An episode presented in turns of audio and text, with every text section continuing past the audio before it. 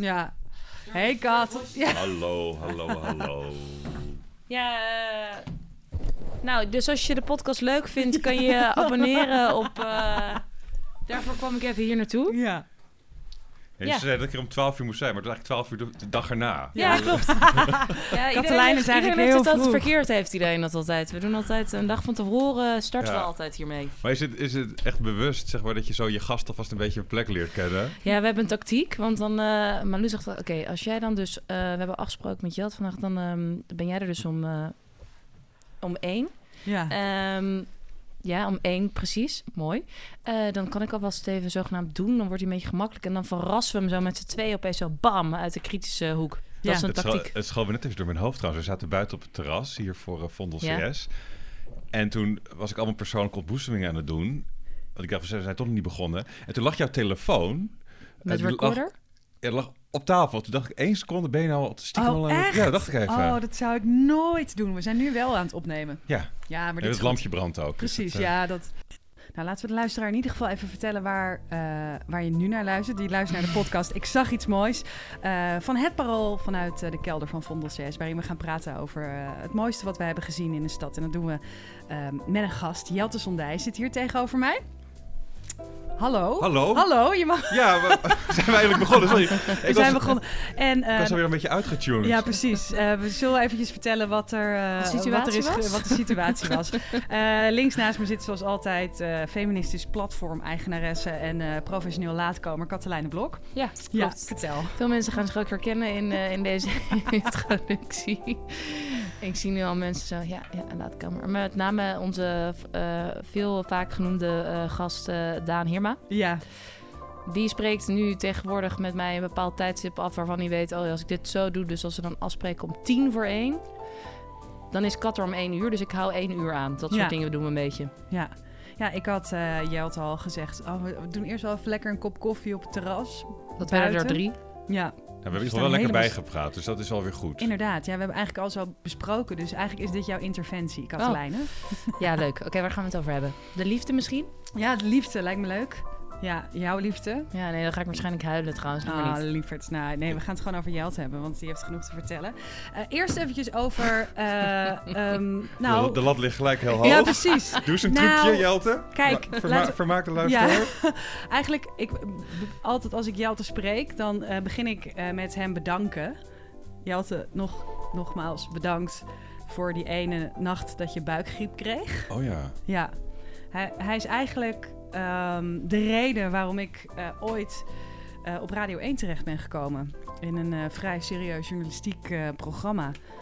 Dat- Ja, want ik, ik deed toen de, de, hoe noemen ze ook weer, de graveyard shift. ja, de eh, Graveyard Shift. Tussen ja. vier en zes eh, in de ochtend presenteerde ik een, een radioprogramma. Op één, Ja, op één. toch? Ja. Ja, daar konden mensen konden bellen en eh, een soort talk radio-achtig programma. Maar ik zit even te denken, was het dan na of voor mijn... eh, ik heb namelijk nog... Ik zat de pre-graveyard, zat ik een tijdje. Ja, maar dit is totaal niet interessant voor de luisteraar. Oh ja, nee, ik ga, we gaan nu even helemaal de graveyard gaan. Maar ja. daarom zit ik te denken, want... Hoe laat zat jij dan?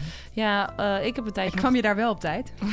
Nee, maar ik zat na Francisco van Jolen. Dus jou zag ik eigenlijk Ah, nooit. Nee, ik heb een tijdje eh, de overnachting en daarna de Wereld van Filemon heb ik gedaan. Ja, dat was daarna- zaterdag en Ja, wij zaten op de woensdag. Dus we hebben een soort gemeenschappelijk deel met Malou. Ik ben zeg maar ook een soort van... Daarna kwam Malou ook de, de overnachting en de wereld van. En toen jou eigenlijk... En eh, jij presenteerde die programma's. Nee. nee, ik deed, eh, ik deed zeg maar de achterkant. Dan kennen we elkaar daarvan. Want ik zit al de hele tijd te denken... Want, want ik, was, ik was dus ook nog een keertje invaller in de Nou. graveyard shift in het weekend. God damn it. Ja, precies. Dat, Ja. dat, dat, that's me. Dus eigenlijk Nou. zijn wij samen een soort van de, de werkouders van Malou. Kunnen we het misschien wel Ja, noemen. En en, en luistert om het verhaal de- even af te maken, want dat, dat maak ik even, want ik kan zo slecht tegen niet afgehechte verhalen. Dus dan, maar dan gaan wij heel vervelend deze podcast in. Oh god. Ik Nee, kan dus, kat dus ik deed dat, dus dat, dat programma en ehm, jij was toen ehm, Ik was jouw regisseur. regisseur. Ja, Ja, en toen op een gegeven moment toen, eh, werd ik eigenlijk bij aflevering 2 al, kreeg ik buikgriep. ja. En, eh, the En er was history. niemand, dus ik, mocht, eh, ik moest het zelf doen toen. Dit voelt ook een beetje als een soort slecht verhaal. Eh, toen kreeg ik ineens buikgriep. En toen was ineens Malou daar. Nou ja, ik krijg dus af en toe nog op eh, social media een herinnering van, eh, van die avond. Dat eh, eh, volgens mij hebben, heeft toen, hebben toen mijn ouders of mijn opa en oma een foto gemaakt dan van de webcam. Dat kon je dan zien. Dit is de Och. eerste keer op Radio 1. En dan krijg je die herinnering op Facebook. En dan deel ik hem vaak ook nog met, eh, ehm, met, met hartelijk dank aan de buikgriep van Jelte Sondij. Dus uh, ja, je stond een beetje aan het begin van mijn presentatiecarrière. En nou zitten we hier. Dus eigenlijk is de, de cirkel is een soort en, van rond. En de cirkel is eigenlijk nog ronder. Want uh, okay. Jelte komt uit Heilo. Ja. En uh, ik uit Heemskerk. Ja, zeker. En wij hebben op, de, op dezelfde middelbare school gezeten.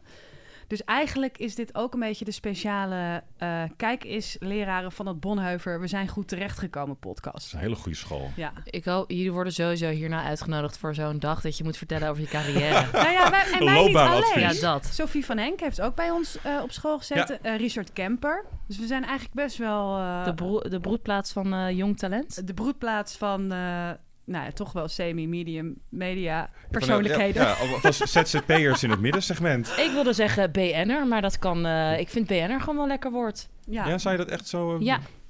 ja. Ja, die incasseer ik wel. Ja. Heb jij meegedaan aan de slimste mens? Nee, ik heb dat. Uh, ik heb drie keer zou ik meedoen. Ja. Buikgriep. En ja, precies. Een soort rode draad in mijn carrière. Nee, ik kan er heel eerlijk over zijn. Ik, uh, ik zou drie keer stond ik op meedoen. Eén keer overleed een vriend van mij. Dus toen, nou, voor, voor obvious reasons uh, ja. ging ik niet. En die andere twee keer heb ik echt gewoon op het laatste moment afgezegd. Omdat ik er gewoon te gestrest van raakte. Ja, volledig terecht. Enorm, enorm. Ja. Echt, ja. echt stress. Mm -hmm. Dus ik dacht, ga ik, ik ga dat niet doen. Dus ik heb eigenlijk uh, weinig spelletjes. Ik heb uh, wel met, met Lars, met wie ik Rambam maakte, Lars Gierveld, met wie ik ook laatst een documentaire heb gemaakt, hebben we meegedaan aan een taalquiz, de tafel van taal. Ja. Oh ja. En dat was ook echt een drama. Want wij, wij snapten die regels niet. En ik drukte heel op het verkeerde moment op de knop. En er kwam op een gegeven moment een Windows opstartscherm op de speltafel. Tot grote irritatie van, uh, van die producer. En toen wonnen wij de aflevering. En toen uiteindelijk mochten we niet door naar de volgende ronde. Omdat ik, jullie gewoon te vervelend nou, waren. Ja, dat denk ik. Productioneel. Ja, omdat we gewoon echt te lastig waren.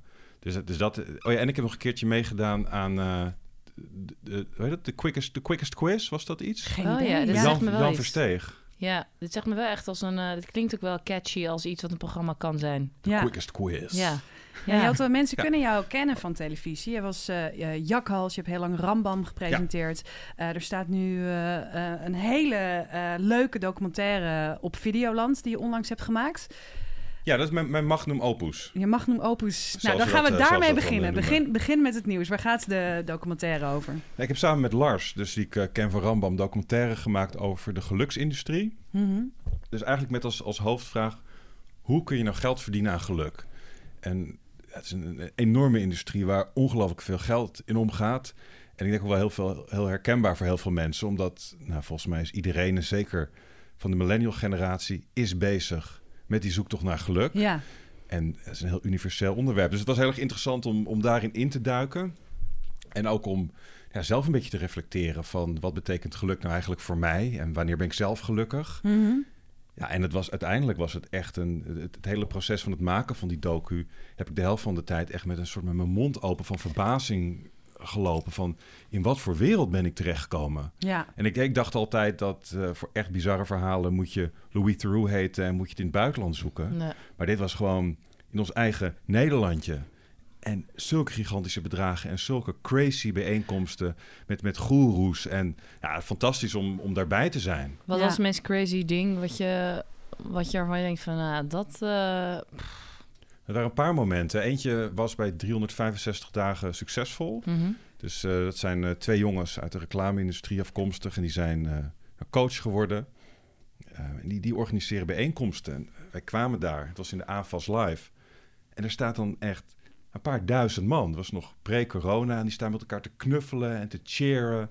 En elkaar vast te houden. En er was zo'n energie in die zaal. Dat ik echt dacht van, nou, dit is... Is dit in Nederland? En er ging er een feesttoeter. En ging iedereen springen door de zaal. En het andere moment stonden de mensen te huilen... en hun meest intieme persoonlijke problemen op het podium te delen. Dus bijvoorbeeld een vrouw die had relatieproblemen. En de ene ontboezeming naar de andere. Bijvoorbeeld een, een jongen die vroeger gepest was... die zijn hele hart uitstortte daar eh, bij, eh, bij die mensen van 365... en daar eigenlijk in therapie ging... live op het, eh, op het podium. Maar is jij kijk op geluk dan ook heel erg veranderd door het maken van, van deze ja, serie documentaire? Nou, het was, het was voor mij wel een bevestiging dat, dat geluk echt iets is wat je wel moet trainen. Mhm. Ik ben niet, ben niet per se heel erg tegen gelukscoaches. En ik ben ook helemaal niet tegen een goeroe in je leven. Ik, bedoel, ik heb zelf ook, ook meerdere goeroes in mijn leven. En ik denk dat het soms ook heel fijn is om in ieder geval, in mijn geval bij gebrek aan religie, toch een soort van houvast te hebben. Ja. Ehm, maar, nou, is, me- is, me- is, me- dus, dus, dus dat is denk ik wel het antwoord. Dat dat voor mij nog eens een keertje duidelijk werd van ja, geluk is iets dat je moet doen. Dus een werkwoord. Ja, En dan moet je, moet je wel echt, eh, echt trainen. en is het echt eh, volgens jou een generatieding dat wij continu eh, gelukkig moeten zijn? Als ik dit gesprek heb met mijn opa en oma, die zeggen gewoon af en toe ja. Maar wat, wat verwacht je nou van het leven? Je kan niet altijd heel erg gelukkig zijn. Alles gaat niet altijd heel goed. Ja, dat denk ik. Ik denk dat het wel echt voor eh, vanaf millennials, hè, Ja, door de invloed van social media. Er zijn natuurlijk ook wel, je kan het de, de unicorn-generatie noemen. Generatie die dacht dat alles mogelijk was. Dat we hebben snowflakes, we vinden onszelf heel bijzonder. We vinden Mm. onszelf heel uniek. En, en alles moet mogelijk zijn. Nou, dat is nogal een last als alles mogelijk moet zijn. Want dan, Ja. hè, als alles mogelijk is, dan lukken er dus ook heel veel dingen niet. En Mhm. dan moet je die last ook met je meedragen, dat dingen niet gelukt zijn. Dus ik denk dat die, die, die mogelijkheden die er voor ons zijn en die, die illusie dat je heel eenvoudig, heel gelukkig kunt worden, dat je in ieder geval dat je het recht hebt op geluk. Ja, ik denk dat dat onze generatie misschien soms wel een beetje nekt. ja. Wat en ik misschien ook... Oh. oh ja, hallo. en dat misschien ook... eh, denk je ook niet... Want jullie hebben het gemaakt voordat corona... is het allemaal ge- meeste gedraaid, toch? Ja, klopt. Ja. Ja. Zou je misschien ook... Stel dat je nu zouden beginnen... of opnieuw zouden maken... dan zou er misschien wel heel, heel veel dingen ook weer anders... eh, kunnen zijn. Qua mis- misschien ook de karakters jullie geïnterviewd hebben... maar ook hun kijk op geluk... of inderdaad juist dat gevoel van... geluk is zo maakbaar en moet meer, meer, meer, meer, meer. Ehm, ik vind wel dat door... en dat is natuurlijk super privilege opmerking... maar in bijvoorbeeld in een, een land als Nederland... waarin heel veel dingen op een bepaalde manier zijn geregeld... heb je wel dat mensen opeens weer opeens denken van... wat maakt mij nou echt gelukkig? Ja, ja ik, heb, ik heb dat wel afgevraagd hoe dat veranderd is nu door de Ja. coronasituatie. En wat je ziet bijvoorbeeld op social media is dat het aanbod van coaches er nog steeds is. Hm. En eh schappig, ik zag, ik zag op, op Twitter eh, had iemand een verzameling gemaakt van alle coaches die ze voorbij zag komen op haar social media. Dus allemaal screenshots. En er waren er tientallen. Ja, Dus waar het een beetje op lijkt, is dat die coaches nu in een nieuw gat gesprongen zijn. Namelijk de totale desillusie waarin we ons met z'n allen bevinden na corona. Ja, en het is natuurlijk ook zo, door corona heb je veel meer tijd gehad om na te denken. Ja. Dus dan heb je ook veel meer tijd om op alle eh zwakke zout te leggen. Ja, dus ik zou het heel leuk vinden om om een vervolg te maken op die documentaire. En dan is het onderzoek inderdaad van hoe, hoe Ja. die industrie er nou eigenlijk op inspeelt. Volgens mij zijn het echt gouden tijden voor coaching. Ja, wat ik een heel leuk eh, onderdeel vind uit, eh, of onderdeel, item vind uit de documentaire is dat jullie Rambam-verleden toch eh, een, een beetje begint op te borrelen. Jullie zijn op een gegeven moment bij een coach te gast en die doet iets met, ja, met tekens, met, met, met dingen verven. Ja, Master Shah. Master Shah. Ja.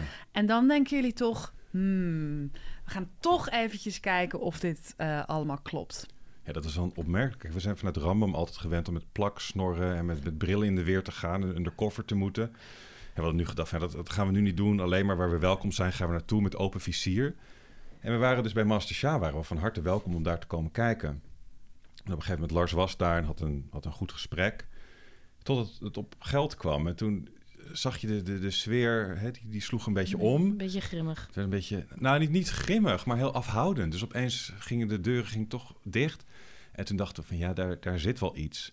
En ondertussen spraken wij steeds meer mensen die daar ook bij Master eh, geweest waren. Die daar eh, een tijdje meegelopen hadden.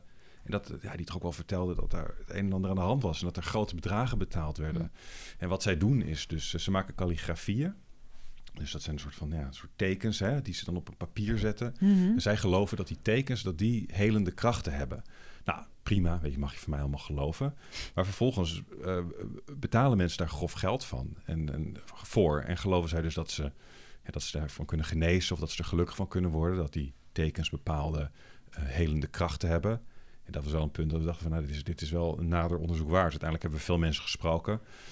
Ehm, en ja, daar werd het wel een beetje dark. Ja. Ja, Heb jij daar een, eh, een extra voelspriet voor? voor een soort van, heb jij een soort van bullshit-alarm? Omdat je, je hebt natuurlijk zo vaak...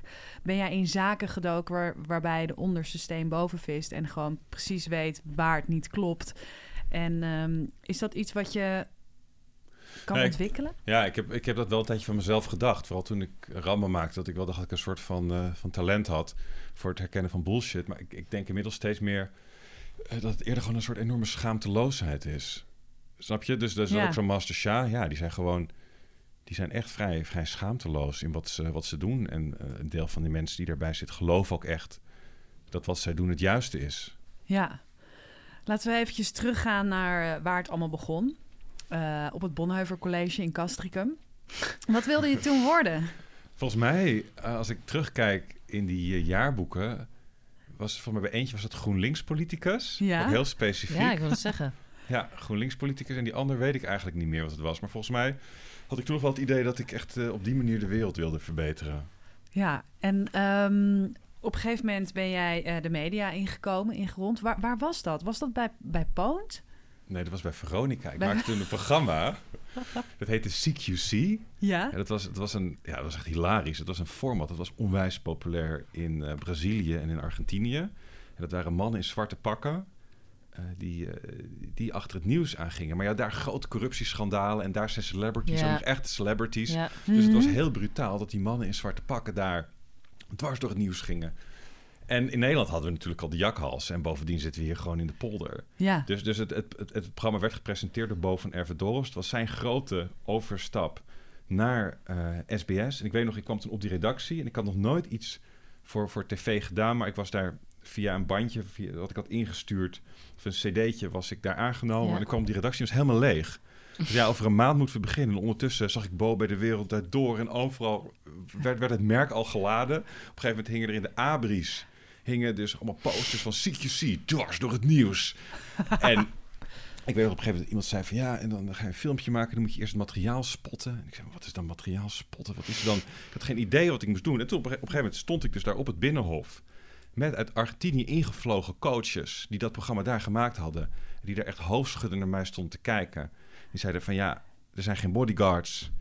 Eh, er- er- er is, je kunt gewoon, die mensen komen op de fiets, die politici.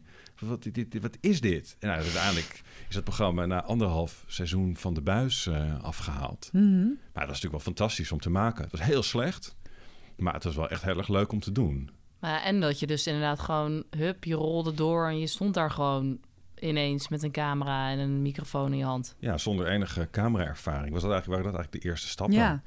Eh, wilde je toen op dat moment, toen je daarvan had geproefd, dacht je, ik ga tv-programma's maken?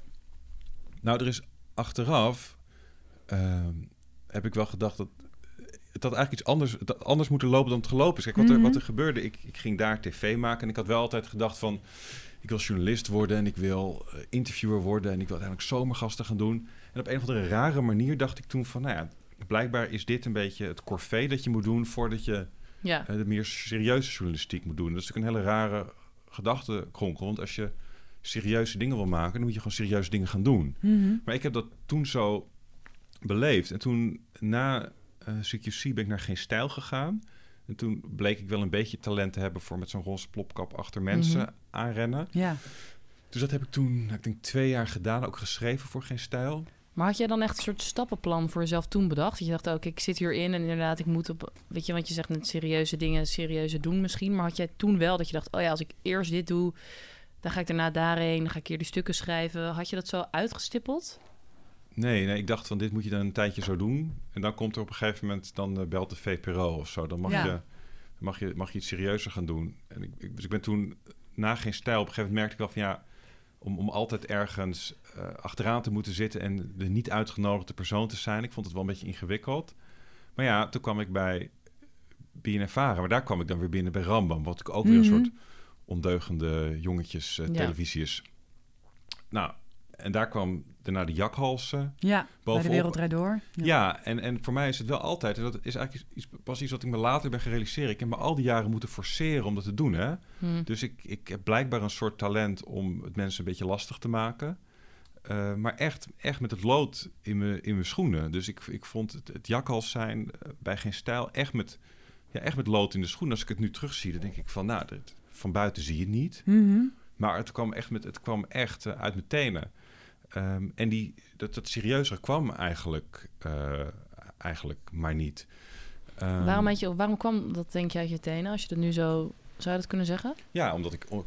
Kijk, soms heb je misschien een beetje talent voor iets wat je eigenlijk helemaal niet zo leuk vindt. En ik vind uiteindelijk eh, mensen het leven moeilijk maken en ingewikkelde vragen stellen.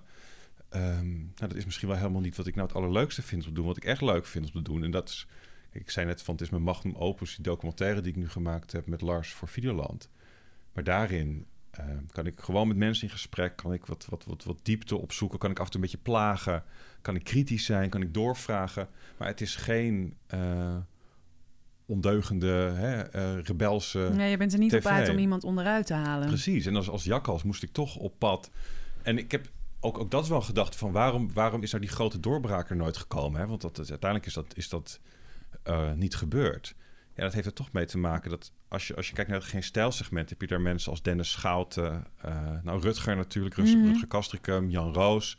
Ja, dat zijn mensen die ademen dat echt, weet je, die zijn dat echt. Ja, En als je, als je kijkt naar, ehm, nou, naar, naar, de, naar een beetje het BNN-achtige seg- segment, heb je eh, Tim Hofman, eh, nou, Tim den Beste, mensen die dat heel goed kunnen. Ehm, dus, dus ik denk dat dat een deel van de, van de verklaring is. En ik heb altijd eens gedacht van op een gegeven moment komt dan wel die, die serieuze eh, rol. En dat, dat is, dat is Ja. daar niet uit, uit voorgekomen. Dus als ik, als ik terugga naar CQC, denk ik dat ik daar eigenlijk gelijk een soort cruciale stap heb gemaakt die ik achteraf misschien niet zo had moeten maken. Heb je daar Zij- spijt van? ook iets heel kortzichtigs natuurlijk dat eh, de media niet verder kijken dan hun eerste indruk neuslang is. Nou ja, dat weet ik niet. Nee, dat weet ik niet. Ik denk dat ik dat, ik dat zelf dat pad toen gekozen heb. En ik heb toen ook gedacht dat ik het zo moest doen. Mhm. Ehm, dus ik heb er helemaal geen spijt van. Nee, Nee. helemaal wel nee. Ehm, nee, maar het was meer... Ik, ik, de afgelopen maanden heb ik door corona veel tijd gehad om na te denken. Ja, Dus, dus dit was een van de gedachten die ik had. En toen zag ik die documentaire eh, die, ik- die, die gemaakt heb. Ik blijf hem gewoon lekker spammen. ja, mag. Dus eh, en die zag ik. te koop. En toen zag ik mezelf. En toen dacht ik van ja, maar dit klopt wel. Dit, Ja. is, wel gewoon, dit is wel gewoon wie ik, wie ik echt ben. Dus nog steeds af en toe flauw. En nog steeds af en toe misschien een beetje gemeen. En nog steeds eh, af en toe een beetje, een beetje doorduwen. Ja, eh, maar wel veel dichter bij mezelf. Ja, en je verandert natuurlijk ook gewoon door de ervaring in de jaren heen. Geloof ik altijd wel ergens. Dus dat je op dat moment, ja, je bent nu ook misschien weer op een ander punt in je leven dan Ja. dat je toen was. Ja, maar ik heb dus ook heel lang gedacht hè, dat, dat ik me moest forceren voordat ik ergens naartoe ging. Dus moest ik naar Den Haag en met lood in de schoenen. En ja. ik heb altijd gedacht dat dat er nou eenmaal eh, bij hoorde. Ja. En dat Ja. blijkt dus nou helemaal niet zo te zijn. Wat heb je de afgelopen jaren gedaan? Nou, ik ben op een gegeven moment... ehm, tijdens, tijdens mijn werk ehm, bij BNNVARA deed ik ook al eh, werk voor merken. Hè? Dus, Ja. dus de branded content-achtige dingen. Dat heb ik altijd heel erg tof gevonden om... eh, dat is echt iets heel anders, hè? Ja, Maar om, de, om, om daar dingen te maken. Eh, en daar ben ik me toen op gaan concentreren. Dus ik heb op een gegeven moment gezegd van... nou, ik, ik stop met Rambam. Ik heb dat bijna zes jaar gedaan. Ik ga iets anders doen. Dus ik ben toen eerst een keertje met sabbatical gegaan. Een jaar in Berlijn gezeten. Een beetje heen en weer gependeld. En nog wel wat dingetjes gemaakt af en toe. Voor eh, wat online dingen. En nog, eh, nog eh, op de radio wat dingetjes gedaan. En toen eigenlijk volledig op... ja, hoe heet het dan? Ja, als je, dus het is het grappige, als je over dat segment gaat praten... dan krijg je gelijk dingen als online content Ja. maak ik. Ja. Verschrikkelijk. Vind je, ben je allergisch voor dat woord? Oh, ik vind, ja, ik vind online... Want ik moest laatst, dacht ik, ik ga mijn LinkedIn even, even updaten. ja, En dan ben je dus opeens, ja, wat ben je dan? Online content creative. Of dan heb je dus mensen die gaan dan proberen hè, er een beetje ludiek over te doen. Dan ben ik opeens content ninja, weet je wel. Ja. Of eh, storyteller. Ja. Ja, echt verschrikkelijk. Ja. Ja, maar ik vind, ik vind het een hele, leuke, een hele leuke puzzel. Dus ik vind journalistiek een hele leuke puzzel. Maar ik vind werken voor een merk, met alle beperkingen die erbij horen... want het is, het is, het is echt, echt vaak best wel lastig. ja. Dat vind ik heel erg leuk. En de plek waar je dat verhaal vertelt is ook interessant, vind ik in die hele, als we de eh, Creative Content Ninja hoek even pakken. Dat is natuurlijk ook een manier van, eh, je kiest waar jij dat verhaal kwijt wil. Nadat je bepaalt wat het verhaal gaat worden. Omdat oh, je bepaalt... Hoe zet je het weg? Ja. Welke manier, eh, in welke manier zet je het weg? Dus Ja. je bereikt ook weer waarschijnlijk weer een andere doelgroep. Ja, dus soms is dat, of vaak is dat online, soms doe je dat via social media, soms doe je dat via media partnership. Hè?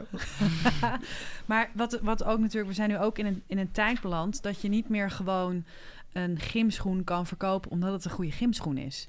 Nee, dat klopt. Dus, dus, dus, dus je Er moet... Er moet een verhaal achter zitten. Je moet weten waar het vandaan komt. Het moet allemaal, alles moet juist zijn. Alles moet samenkomen. Ja, en het moet als het, als het even kan een eerlijk verhaal zijn. Ja, Dat is, dat is wel grappig. Ik was toen op een gegeven moment voor eh, Wink, hè, het, Mhm. het LGBT eh, lifestyle blad, ja, was ik op pad in, eh, in Zweden. Ze zeiden van wil je voor ons naar Zweden artikels schrijven, we gaan video's maken.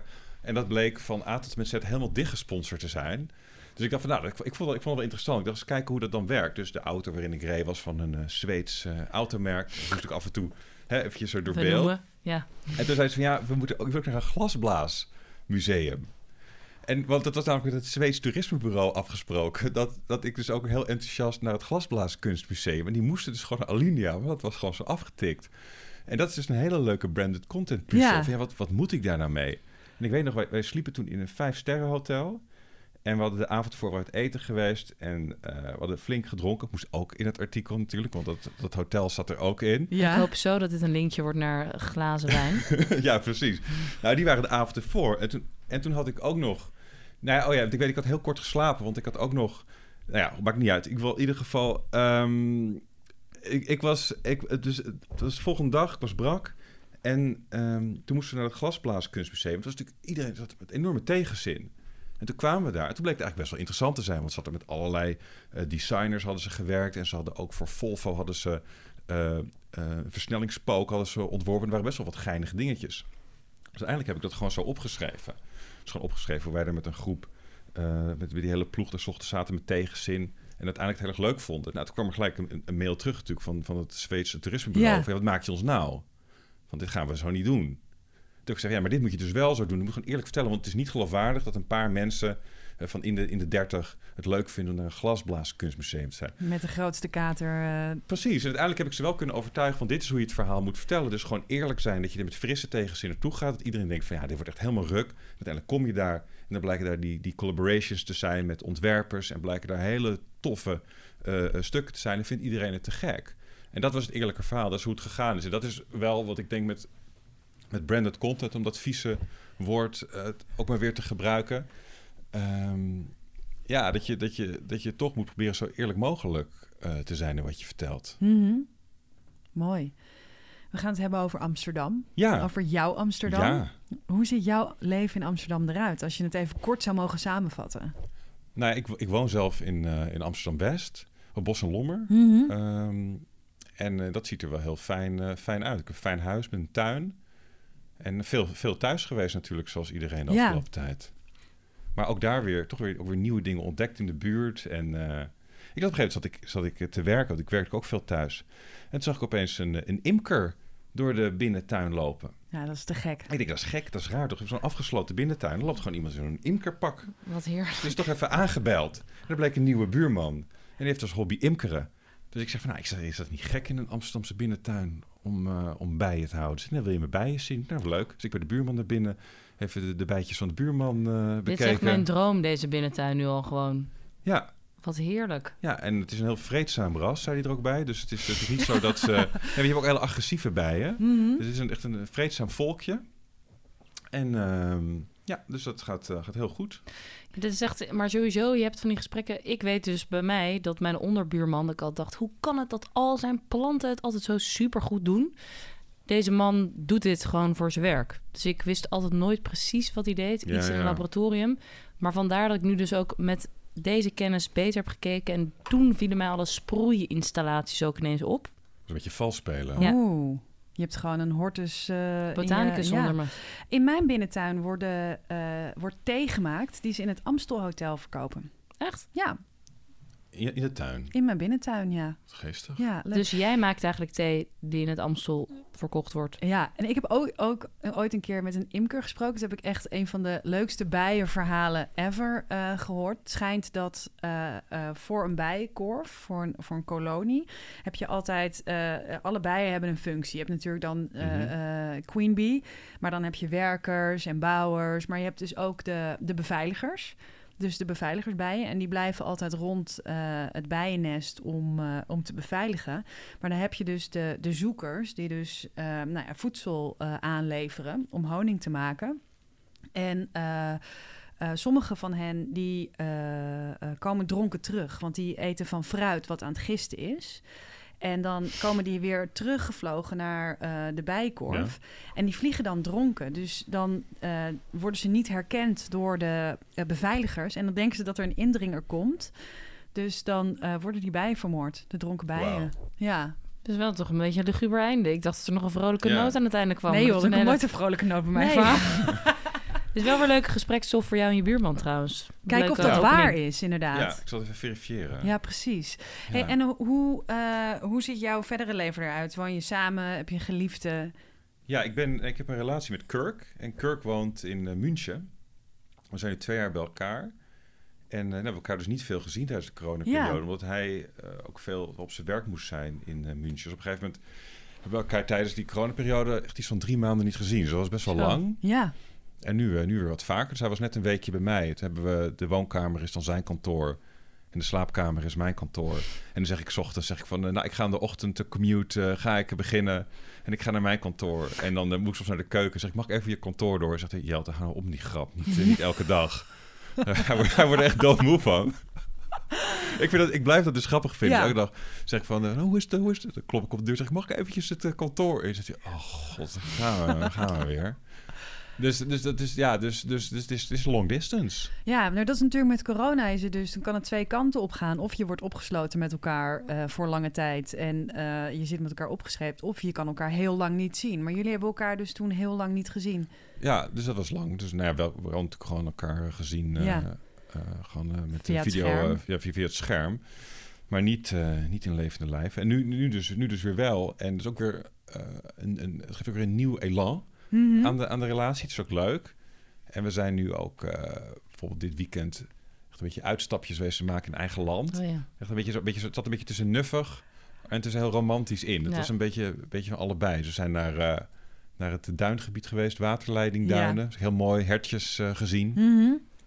En we zijn naar Holy Sloot geweest. Ja, wat is Holy Sloot? Ja, Holy Sloot is te gek. Ja, Weet jij wat het is, Kat? Je je gaat een knop aan, maar ik ben nu Het is echt gewoon wel- Amsterdam, toch? Ja, het is landelijk Noord. Dus je moet door Ransdorp. Ransdorp is dat dorpje met die stompe toren. En dan rij, je het dorpje door. Dan kom je in Holy Sloot. En er staat een wit kerkje. En daar tegenover zit het schoolgebouw. Niet te verwarren met de school. Ja. De, de, de club. Ja. Of de ex-club. Maar het schoolgebouw. En het schoolgebouw daar zitten dan ja, actieve fietstypes. En actieve senioren. Nou ja, en ik dus met mijn vriend. Gewoon gezellig een beetje koffie te drinken. Over het weiland eh, te kijken. Met appeltaart. Nou, dat is hartstikke leuk. Dus we zijn daar naartoe geweest. En toen nog eventjes naar Marken. Dan weet ik wel weer, eh, hè, dan weet de, de stad weer uit. Mhm. Maar Holy Sloot is echt, ja, het- dat is echt het laatste stukje Amsterdam. Heel, heel pittoresk, heel mooi. Ik denk dat er nu heel veel... Naar nou, Holy Sloot. Alle drie de luisteraars uit Holy Sloot die dit nu... Die, die springen op. Nu eindelijk eh, het parool een keertje over ons Holy Sloot. Maar het heet ook echt... Het heet echt Holy Sloot. En ehm, Ik hoop echt dat Malou dit nu in de titel of in de intro van de podcast gaat Zeker, typen. ja, totaal. het, is, het, is, het is prachtig. En eh, onze burgemeester, die woont er, hè? Die, eh, althans, die heeft er een huis gekocht. Als ik de bladen mag, eh, mag geloven. Ja, dus naast de ambtswoning op de... Wat is het? Herengracht? Ja, is er ook nog... eh, Holy Sloot. Ja, Oh, in Holy Sloot. Je ja. wil je toch ook gewoon een serie of zo van Holy Sloot? En je hebt ook een pontje, heb je dus. En dus er, er stonden allemaal mensen te wachten. En op een gegeven moment zegt mijn, mijn, mijn vriend zegt van... Hé, maar waar is nou de boot? Waar staan die mensen nou te, te wachten? En op een gegeven moment bleek dat die mensen al op het bootje stonden. Het was gewoon een heel klein, heel klein ja, soort vlot. Met een motor, met een motor eraan. Dan gaan ze zo... En dan gaan ze naar de andere kant. Naar, naar, naar het oneindig weiland. En dan eh, zo weer prachtig verdwijnen ze aan de einde. Het is echt het is een, prachtig. Dus ik zou, ik zou het iedereen... Nou, sowieso is natuurlijk eh, landelijk Noord. is prachtig. Broek in Waterland. Eh, Durgerdam. Mhm. Ook prachtig. Ja. Dus eh, ik, kan het, ik kan het echt iedereen aan. En ik dacht, mag ik nog even of zit ik Ja, te raden? helemaal. Je hebt een uur op mij Ik merk, gewacht. Mag enorm, alles. ik merk ik enorm op mijn praatstoel eh, Heerlijk. zit. Dus dat, Je hebt mij ook helemaal als luisteraar erin hoor. Dus eh, go. nou, dat ik, dus, dat ik dacht van, het is ook een soort van metaforisch voor, voor hoe mijn verhouding tot Amsterdam dus, zich heeft ontwikkeld. Toen ik in Amsterdam kwam woonde, woonde ik aan de Spuistraat en ik was lid bij een studentenvereniging in het centrum. Dus dat was een beetje hè, mijn, mijn actieradius. Dus alles speelde zich af met een dispuut en in het, het studentenhuis in het, in het centrum.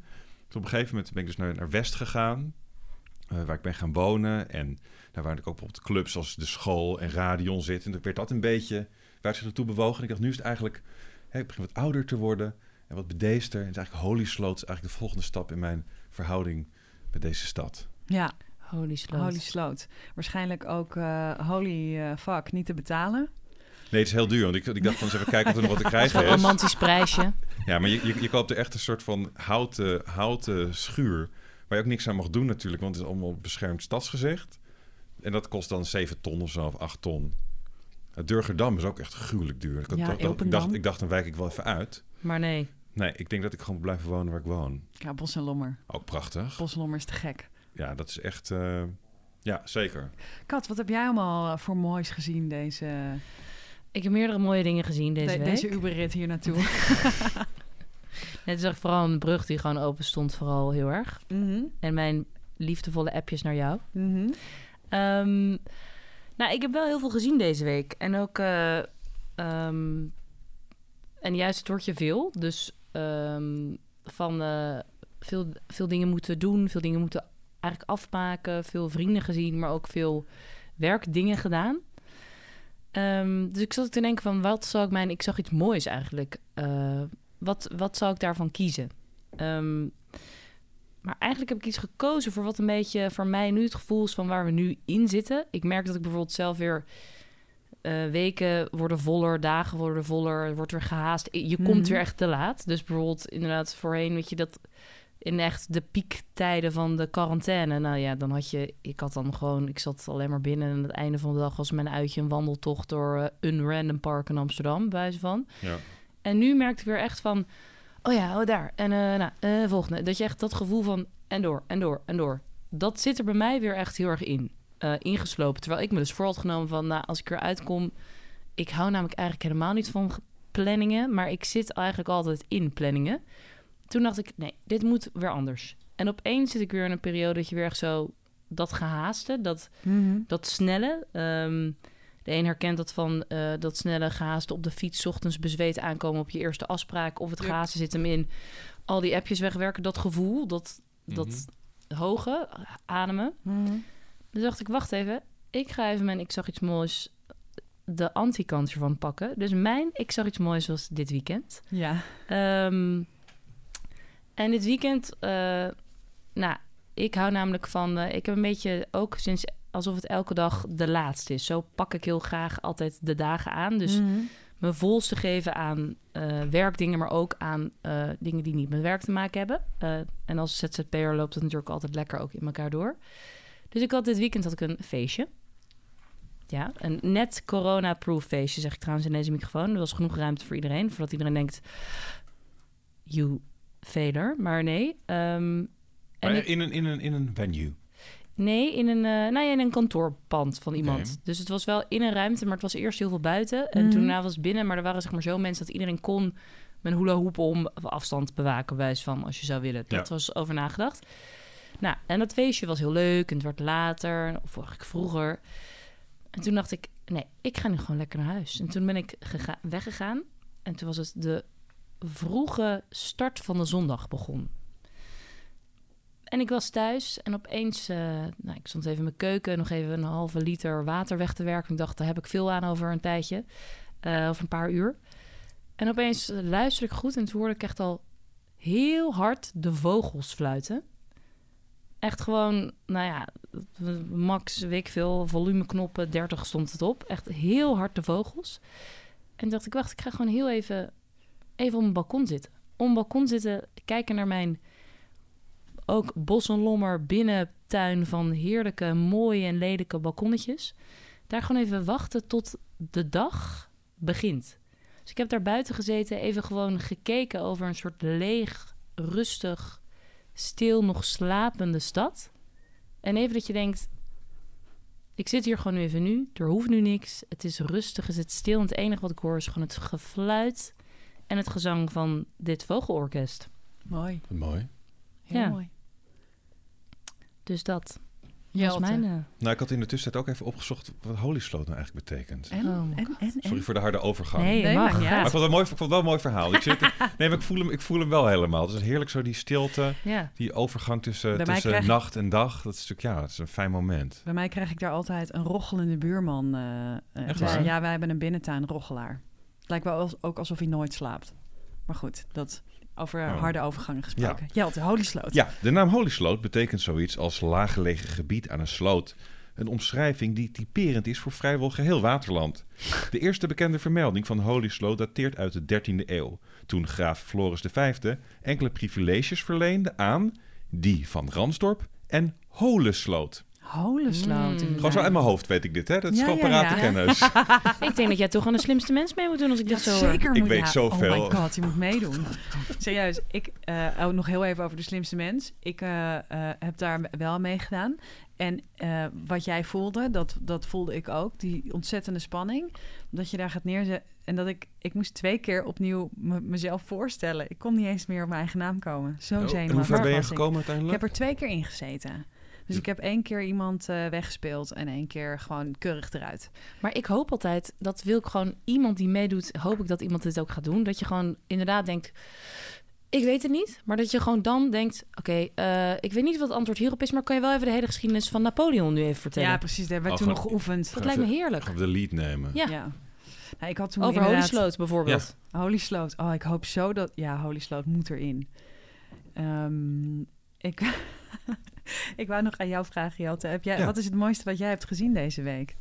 Buiten? Nou, Holy Sloot. Holy Sloot, ja. Ja, het is een Nee, heel, heel ik- mooi wit kerkje. al- En dat, en dat kerkje is ook te huur, hè? Dat kerkje is ook te huur. Dus je kunt gewoon het kerkje in Holy Sloot... Misschien kunnen we dan een keertje een soort rave houden. Ja, ik zit helemaal vol. Want jij, we hadden net waar kennen we elkaar van. En toen dacht ik, echt, nou, de, de pre-corona party venues die je net noemde, had ook nog een herkenningsmoment kunnen Ja. zijn voor ons twee.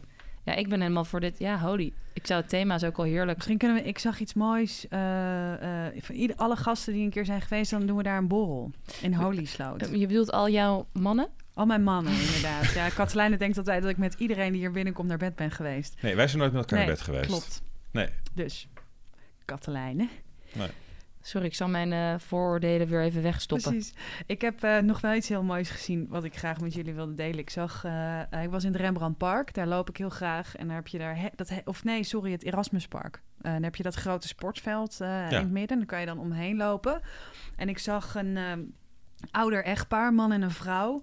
Ehm, en die waren overduidelijk aan het oppassen op, eh, op kleinkinderen, eh, denk ik.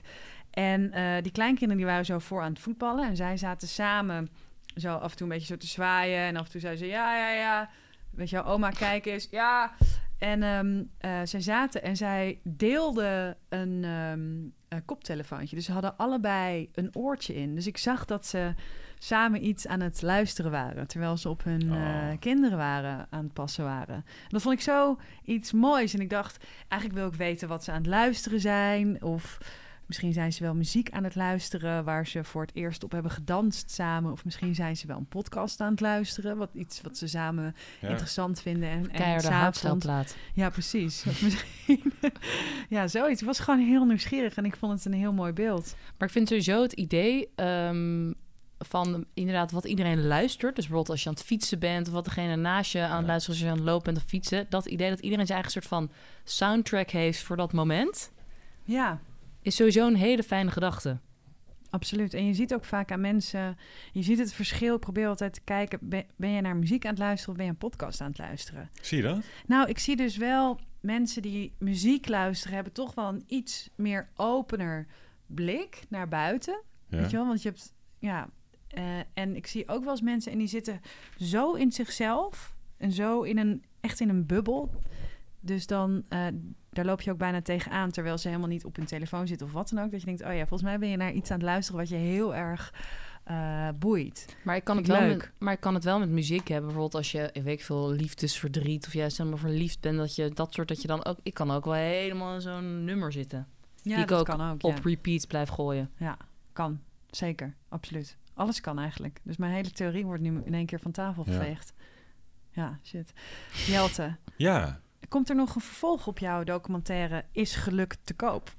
Ja, dat zou heel erg mooi zijn. Wat ik, wat ik begreep is dat eh, we nu eh, de resultaten gaan analyseren. Dat is natuurlijk het mooie van zo'n streamingplatform. Dat je heel goed kan zien. staat het. Ja. Ja. Ja, kan je heel goed zien hoe het bekeken is. Dus wat ik, wat ik in ieder geval begreep is dat de eerste eh, tekenen goed waren. En we hebben heel veel, eh, heel veel ideeën wel voor een vervolg. Wat je net zei over bijvoorbeeld hoe, hoe die eh, eh, coronasituatie, hè, hele pandemie geluk heeft beïnvloed. Dat zou ik wel een hele interessante vraag vinden om mee verder te gaan. Mhm. We kunnen nog tegen andere dingen eh, bedenken. Maar ik had dus wel dat ik dacht van, nou, ik, er, er kwam heel veel samen. en Ik was er heel blij mee. En ik, ik zou het heel tof vinden om op deze koers eh, door te kunnen eh, gaan. Dus lekker mijn, mijn branded content above the line en below the line te, te, te blijven maken. En gewoon die content guru voor brands te zijn die ik ook ben. Maar daarnaast eh, dingen maken die, die dicht bij mezelf zijn, di- dicht bij mezelf staan. Dat is, eh, ja, dat is de diepste wens. En ik geloof, ik geloof ook wel dat eh, dat, dat, eh, dat, dat erin zit. Dus eh, ja. Mooi. Moeten we het nog over je bril hebben? Oh, ik, heb, ja, ik heb sinds een paar weken een bril. Dat is, was, Ja, ik vond hem heel leuk. Dank je. Nou, dat vind, dat vind ik lief dat je het zegt. Ik, had, eh, ik zag niet zo goed en ik ging weer wat meer autorijden. Dus toen dacht ik van, ik moet wat beter zicht. Dus ik met een vriendinnetje van mij naar de brillenwinkel en eh, bij een bekende keten Ja. eh, die bril gekocht. En toen kwam ik thuis. En zei ik tegen mijn vriend, zei kijk, ik heb een nieuwe bril gekocht, vind je hem mooi? Zei hij, ja, ik vind hem heel mooi. Ik heb hem namelijk zelf ook al twee jaar. Heb je dat nooit gezien? Het blijkt dus gewoon dat ik nu dezelfde bril heb als, als mijn vriend. Eerste, Maar het eerste staat jou partnertekenen wel- zijn dit. Ja, ja. Ik vind hem echt heel top staan. Nou, het staat hem zelf zo goed. En ook, je hebt, krijgt er echt een ander gezicht eh, door. Dat wij elkaar twee weken geleden tegenkwamen. En ik zag eh Jelte zitten vanaf een afstand. En ik dacht alleen maar, is het hem of niet? Is het hem of niet? Nee, is het hem of niet? Toen ging ik gewoon serieus nog even googlen. Toen ging ik zo van, hé, maar dit is toch gewoon Jelte? Nee, het is hem niet. Toen heb ik jou een appje gestuurd. Zit jij nu ook op het terras van Pacific? Nou, ja, ik keek niet op je telefoon. Ik was gewoon heel beleefd met iemand anders in gesprek. En toen dacht ik, oké, ik, loop, ik loop eens even langs. En toen hoorde ik gelukkig gewoon een, een milliseconde van je stem. Dacht ik, oh, het is hem. Maar ja. ik herkende je dus niet. Nee, het is... Door de eh, bril, Ja. Zo, maar het- wat zo'n kleine eh vermommingstrucje wel niet kan gebeuren, hè? inderdaad. Je hoeft helemaal geen plaksnorren meer Nee. op. Nee, om, gewoon, eh, eh, en mocht, eh, mochten mensen nou een content guru nodig hebben... en denken, ik, ik, ik heb Jelte nodig. Waar moeten ze dan zijn? Hoe kunnen Nou, mensen jou bereiken? Van LinkedIn ben ik, al, Ja. ben ik, eh, ben ik te vinden. En ik, ik, weet, ik weet dus niet of ik er nu als content guru sta... of als allround, allround storyteller... of, eh, of eh, wat, wat heb je nog meer voor... eh, 360 graden strate, strateeg. ja, precies. Platform-agnostisch eh, Ja, content eh, developer. Storyteller. ja, Ja, content koning. Oh ja. content koning. Dat ik al, de content koning. Heb je, wil, jij, wil jij content? Kom even langs bij de content, eh content Drie koning. content voor de prijs van twee content. Dat voelde ik bijna als een website. Decontentkoning.nl Oh, denk content dat- koning. Koning in content. Dit is echt top. Ik wilde het echt even als branded reclame nu in onze podcast gewoon. Eh, nu krijgen we even een stukje betaalde reclame. Ja, ja. Nee, maar het is, ja, god, ja, ook daar kan ik uren over doorpraten. Het is een enorm fascinerende wereld. En er, zijn, er is daar echt nog heel veel eh, te winnen. En ik denk ook echt dat mensen die, die een achtergrond hebben in, in eh, gewoon dingen maken die leuk zijn, zonder dat er een merk aan vasthangt, dat die daar echt een voorsprong hebben. Dat je in ieder geval, ehm, nou, een beetje weet hoe je iets maakt wat een publiek leuk vindt Ja. om, eh, om, om te zien. Dus, ehm, ja, Ja, mooi. De content koning. yes. Je kijkt nu naar mij. Ja, je moet je promopraatje Oh, doen. Ik dacht contentkoning. Ja, we hebben yes. net de content koning, maar er komt ook nog een promopraatje. Ja, wat denk jij nu? Goh, wat heb ik heerlijk zitten luisteren naar deze podcast. En wat vind ik dit wel geweldig. Nou, dan zou het nog leuker zijn als je denkt... ik gooi even een ontzettend lieve, leuke, geweldige, inspirerende reactie... eh, in je podcast-app onder onze podcast. Abonneren, dat kun je ook doen. Moet je wel meer handelingen, maar is nog leuker. Dus klik dan even op abonneer. Of je kan Malou een persoonlijke DM sturen met het compliment van deze aflevering. Zonder foto, graag. Met foto. Vanuit de selfie-standpositie. Eh, en wil je de documentaire van Jelte Sondijn zien... eh, samen met Lars, ik ben zijn achternaam kwijt. Gierveld. Gierveld. Yes. Eh, op Videoland staat hij. Is gelukt te koop. Jelte, dankjewel dat je er was. Ik vond het heel leuk om hier te zijn. En bedankt voor het wachten. Ja, het duurt, duurt eventjes een uurtje, maar dan heb je ook wat. De content koning. Yes.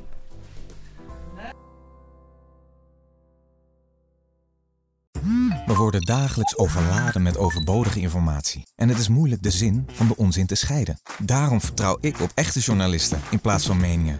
Een krantenmens heeft het gemakkelijk. Word ook een krantenmens en lees je favoriete krant nu tot al zes weken gratis. Ga snel naar krant.nl. Bezorging stopt automatisch en op deze actie zijn actievoorwaarden van toepassing.